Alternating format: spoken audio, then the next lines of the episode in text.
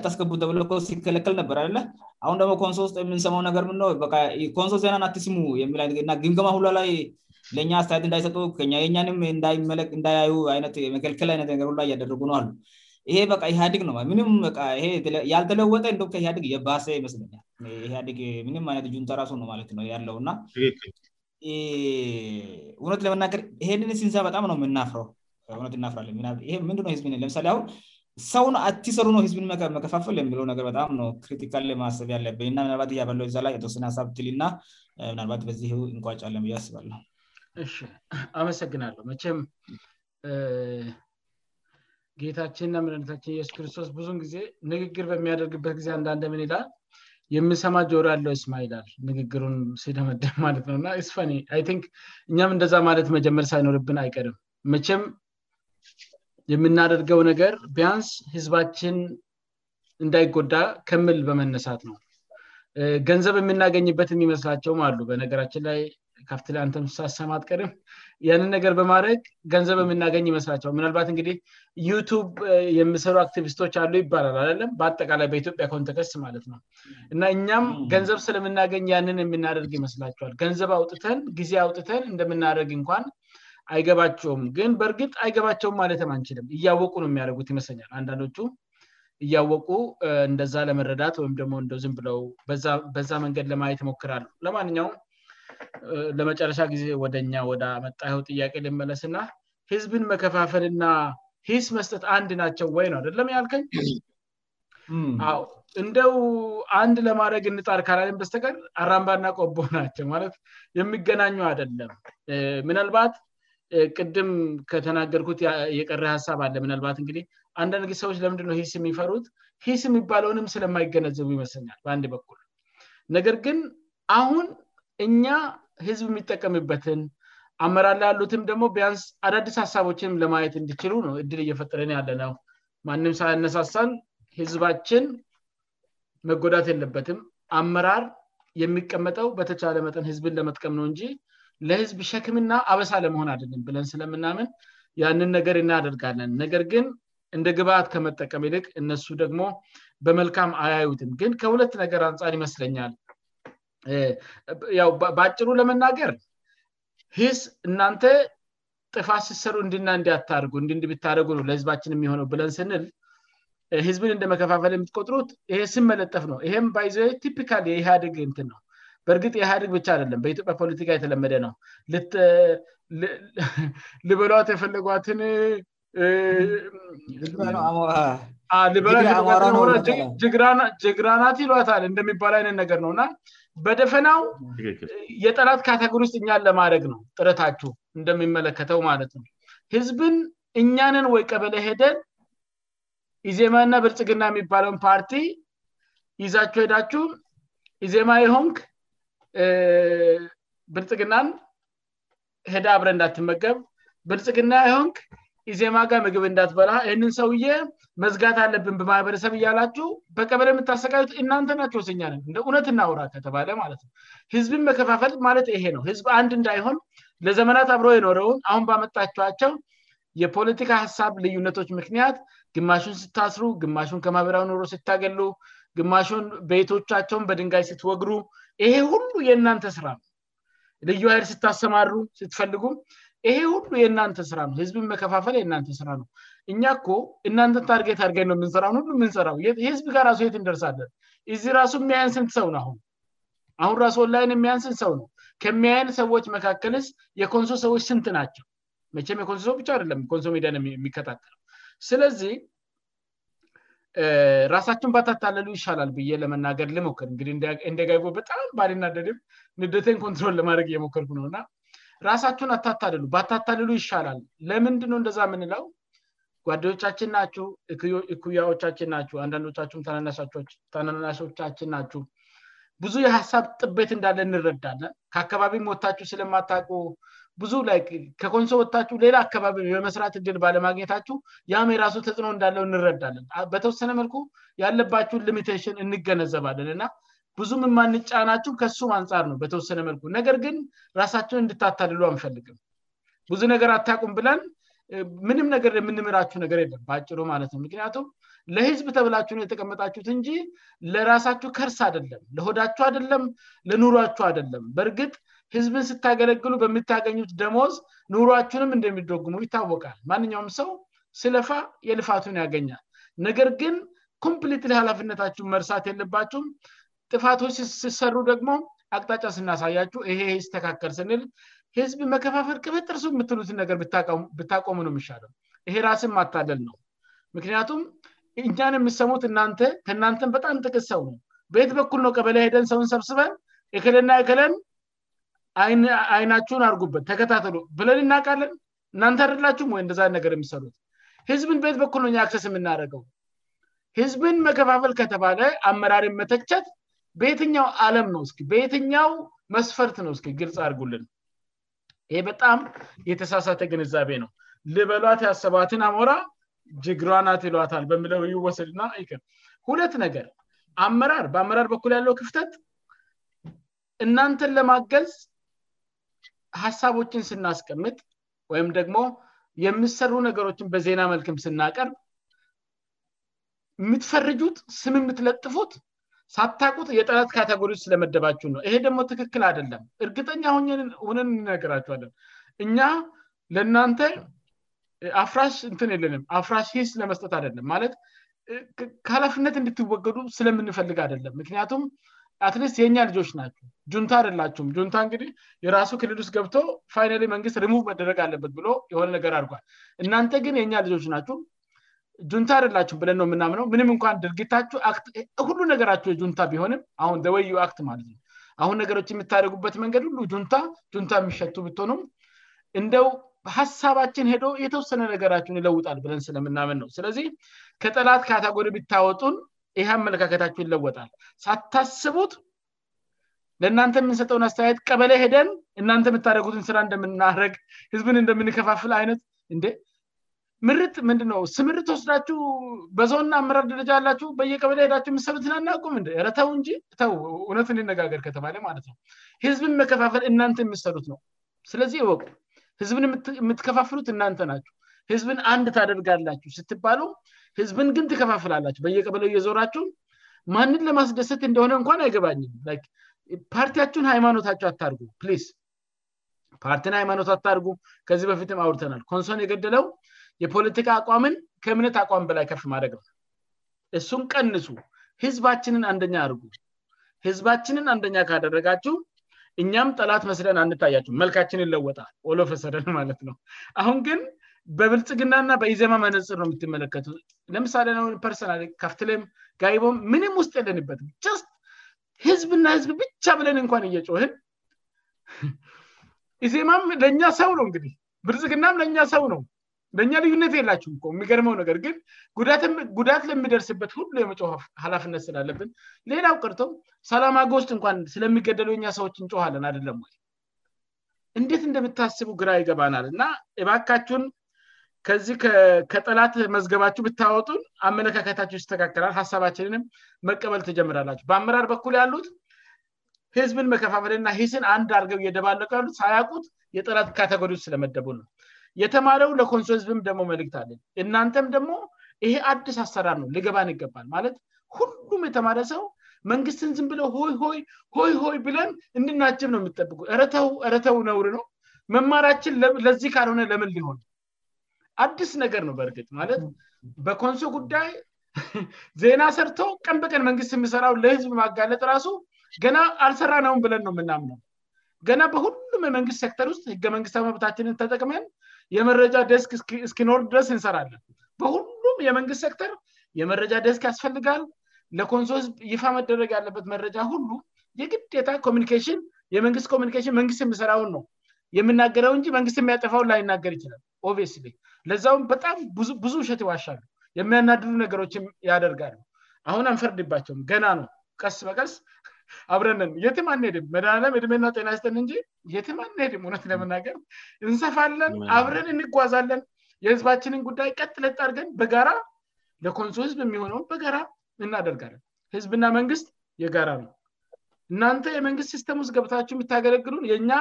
የእኛ አገልጋዮች መሆናችሁን እስኪገባችሁ ድረስ ወይም ደግሞ የሚገባው ሰው እናንተ ቦታ ላይ እስኪቀመድ ድረስ ከእናንተ ጋር መታገላችን እንቀጥላለን ማለት ነው ሀሳባችንን ስትወስሉእና ስትጠቀሙ የምትተቹበት ነገር እየቀነሰ ይሄዳል ሀሳባችንን ሙሉ በሙሉ በዘጋቸው ቁጥርግ ነገሮች እደዚ ይቀጥላል ምንም የምለወጥ ነገር የለም በሱ አቅጣጫ እርግጠኛ ሁኑ የተማራቸው የኮንሶ ልጆች ግን ለእናንተ ያለን ማሳሰብምንድን ነው አሁን የምንሰራው ስራ ፋይዳው አይገባችሁም ስለ ኮንሶ ልማት ስለ ኮንሶ ታሪካዊነት እንድናብረ ትፈልጋላቸሁ እንደ ጓደኛችን እንደ ሰለሞን ሶካ ማለት ነው በደፈናው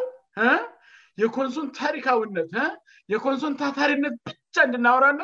ሰው በጥይት ስመታ ወይ ደግሞ ሰው በዱላ ሲቀጠቀጥ ለዛውም በመንግስት ኃይል እሱን እንድናወረ አትፈልጉም እሱ የኮንሶን ገመና ማጋለጥ ነው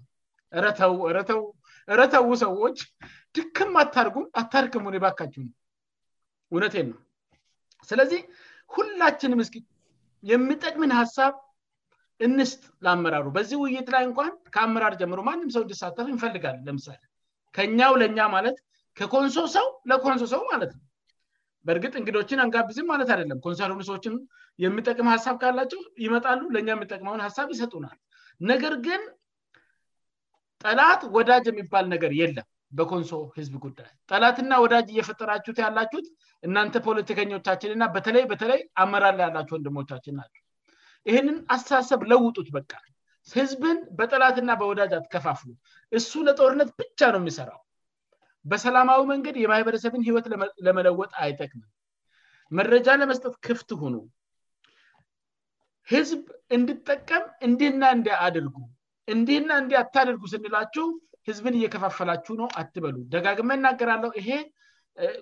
አይንን ጨፍንና ላሞኝ ወይም ደግሞ የዝንጀሮ መደበቅ ነው እያደርጋችው ዝንጀሮ አዳኝ በጦር ሲመጣበት አይኑ ይይዛል ላለማየት ማለት ነው አሁን የምታደጉት እንደዛ ነው የሚመስለው አሁን የምታደጉት ንደዛ ነው የሚመስሉ በትክክል እውነቱን እየነገርናችሁ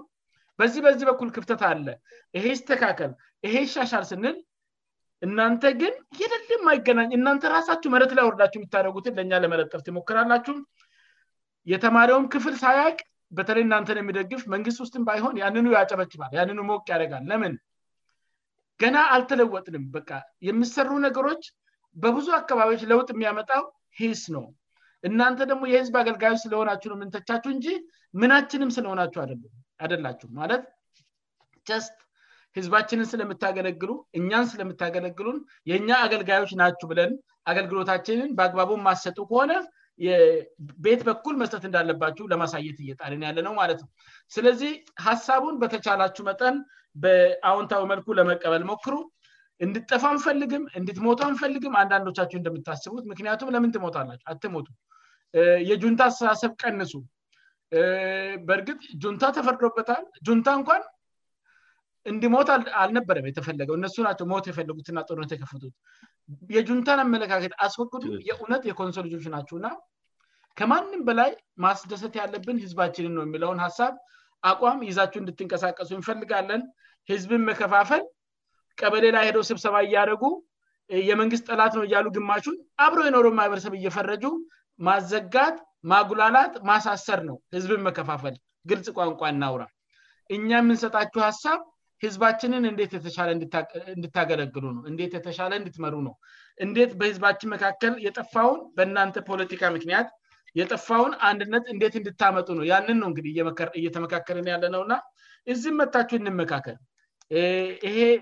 ምናልባት ራሴን አስረዳለሁ የሚል አካልም ካለ አይ እናንተ የምሰሉት ህዝብን ይከፋፍላል አስረዳለሁ የሚል ሰውም ካለ ከመካከላችሁ እዚህም መጥቶ ማስረዳት ይችላል በዚህ መድረክ ላይ ማለት ነው በአጭሩ ሀሳብ ይህንን ይመስላል ጓድ አመሰግናለሁ በጣም እናመሰግናለን እንግዲህ ዛሬ ያወራ ነውና የተወያየንበት ሀሳብ ምድ ነው ገንቢ ና ገንቢ ያልሆነ ስ ላይ ነው ያወራ ነውና ም መጨረሻላለን እንዲህም ጥያቄ ጥያቄ ስለወንጎና ማብራት ስለማል ይችል ብዙ ማለት አልልኩም አልችልም ግን መጨረሻ ላይ አንድ ነገር ብ መተናግረ ፕሮግራማችንን እንጨርሳለን እኔምን ምንድነው ትልቁ ቅጣት ለአንድ ሰው ያለ ትልቁ ፓንሽመንት ከተባለ ዝምታ ነው እ እንደዛ ነው ማስበው ለምሳሌ አንድ ወንድህ ወይምአንድ ጓደኛ ወይም የምትደግፈው አንድ አካል የመጨረሻ ቀጣለው ካልክ ሰውየው ወደ ሮንግ ዳይሬሽን እየሄደም ፖቲፍም ነገቲም እያደረገ እያለ ዝም ካልከው ዛትቃ የመጨረሻ የቅጣነምነነው አንድ ጊዜ እንደዛ ብሎአላየ ኮቴሽን ለ ማርቲን ተርኪንግ ቁሩ አሪካን ነፃነት የሚባበጣም ታዋቂ የሆነ ሰው ምንድ ያለው በመጨረሻ ጊዜ የጠላቶቻችን ት ሳሆን የቻችን ዝምታ ነው የሚል ነገር ነውና ዝምዳ ምን ያህል እንደሚጎዳ የሚያሳይ ሀሳብ ይመስለኛል በተለይ አንድ አቋም ላይ አብረን ለመለወጥ ን የሆ ሳብን ለመቀየር የሚደረግትንቅንቅ ውስጥ ይደግፉኛል ብላችሁ የምታስባቸው ሰዎች ዝ ካሉ ንበጣምጉዳት የሚመውማበም የኖረው ማለነው ስለዚህ እኛ የምንጮኸው ከሌላ በጣም የተለየን ሰዎች ስለሆንን አይደለም እንደሌሎች ሰዎች ደግሞ ዝ ማለ ስለቃትን አይደለምእነት ለመናገር ዝምዳ በዚህ ዘመን ዝምታ ሴፈስት ዞን ነው ብዬነው ማስበ እንድ የመጨረሻ የደህንነት ቀጠና ነው ዝምማለ ማንም ጋር ትነካከምኩ ማንንም በፎይ እንዲያ አታደርገም ዝም ብለ የራዝን ቢዝስ መስት ይችላልሁይሰት ሁን ዚቁጫልት ሁለሰበላይ ሆናልእና አንድ መጽፍ ማጋምዝበት ታይም ነው ወይደሞ ሆነር የምሰራበትራብ የምሰራበት ሰዓት ነው ይሁሉ ዋጋ እየከፈልኩ ያለሁት ምናልባት የእኛን ህዝብ በአንድ በኩል ምናባትተለይሞለሚከ ሰዎች በሆነ መልክ ይረዳቸዋል ከሚል እምነት ተነስጭ ነውእና ሁላችንም እያደረገንለሰራከዚህ አንፃር ነው ስለዚህ ዝም ማለት አቅቶን አደለ እንደ ብዙ ሰዎችሶ ተማሩሰአ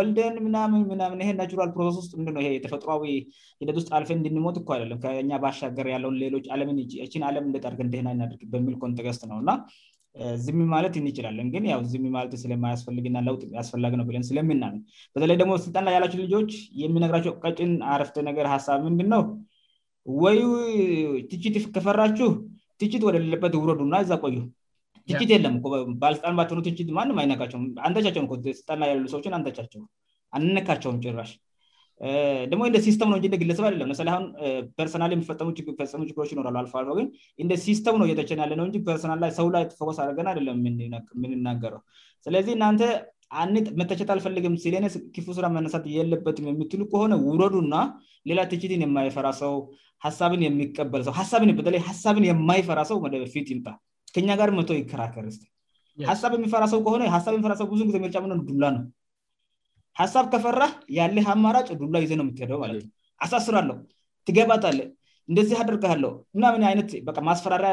ይውሳ ፈራ ሳብ ከልፈራግንመ ይነእኛ ማስተካከልትችላላቸውእ ነገር በዚህመ ትልለን ብትሉ እኛንቀበላ ግን የዛ ቁጭ ብለ የጠላት ቀጠና ወይም ደሞ ይ ከፋፋይ ነው ምም ብብላ ስለገመገብ የሆ ሰዎች እንዳይሰሙ ስላደረግ እኛን የምታስቆም የምንቆሙበት መንገድ ለም እና እውነት ለመናገር እንነጋገር ካልተነጋገርን ነውጥ አይመጣም የተለመደው መድገመ ይቻላል በል በተደጋጋሚ ነገርቸዋለሁ የተለመደው ነገር መቀ ለ የኢህዲግን ሲስተም እንዳለ ማስቀጠል ይቻላል ሰዎችን ማሳሰር ያልደቅፍ ብሎ እንደገና ሄዶ ብዙይነሁየተሩ ነች ማድረግ ይቻላ ይሄ ግን ለውጥ መጣም ነው አሁን ደግሞ በጣም ማወቅ ያለባቸው በጣም አንደርላይን ማድረግ የሚያስፈልገው አንድ በጣም ኢምፖርታንት ነገር አለን አሁን ያለንበት ጊዜና ድሮ የነበረው ጊዜ አንድ አይች በደንብ አንደርስን አ ድሮ የፈለገን ነገር ብናደርግ ማንም አይንም መንግስትም ለእኛ ጥብቅ እናይቆማል በተለክላይ ያለው ልጣንባለጣን እንንይላል ስለዚህ ሴስንላይ ሆንያለዞንይሆያለው አሁን ግን እያንዳንዷ በየጓዳ የተደረገች ነገር አደባላይ ነው የሚትወጣው ወዲነ ፎቶ የሚላከው ወደነው ፒክቸር እተደረገው የሚለጠፈው የመረጃ ዘመን ውስጥ እሆን ያለ ነው መረጃ በአንድነው ወደነው የሚወጣው ማለት ነውእና ለመደበቅ መሞከር የመጨረሻ ጊዜውን ካለመዋጀት ጊዜውን ልማወቅ የሚመነጭ የዋ ሳ ነው ስባልነው ይህ ገመና ታጋልጥ ባነገር የምን ገመና ነው ያለው በዚህ ዘመንሁ የተኛው ገመና ነውበየአደባ ሁም ነገር ያለው ሁን እያንዳንዱ በሮጉን የደወደሁ ፌስቡክላይለ የምናየው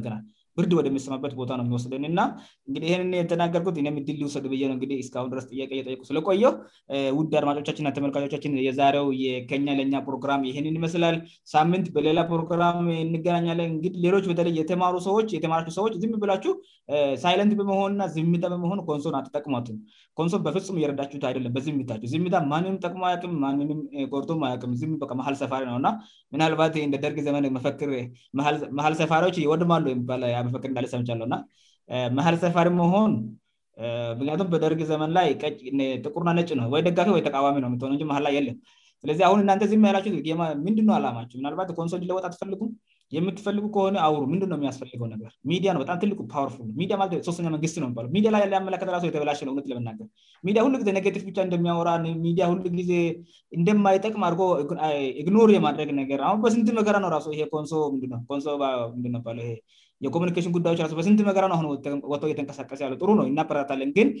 ሌሎች ሰዎች ማሳተፍ አለባቸሁለተብ ያችዝቡን የሚለጥነ መሳተፍ አለበትና ሌሎች የተማሩ ሰ ዙሰች አላቸሁእ ተሳተፉ ከር አውሩ ር ተከራከሮ ክርክር እንፈቅዳለን እኛን መችት ከፈለጋቸሁ ትችላላችሁ ሌላ አይ የሚጠቅም ነገር ካለተለያትህርጉሌጉላ ሳብ ካላችሁ ኑና ገኛ ጋር አውሮ ሀሳባችን ይህን ይመስላል ስለ አዳመጣቸን እናመሰግናለን በቀጣዩ በሌላ ፕሮግራም ስከምንገናኝ በሰላም ቆኝ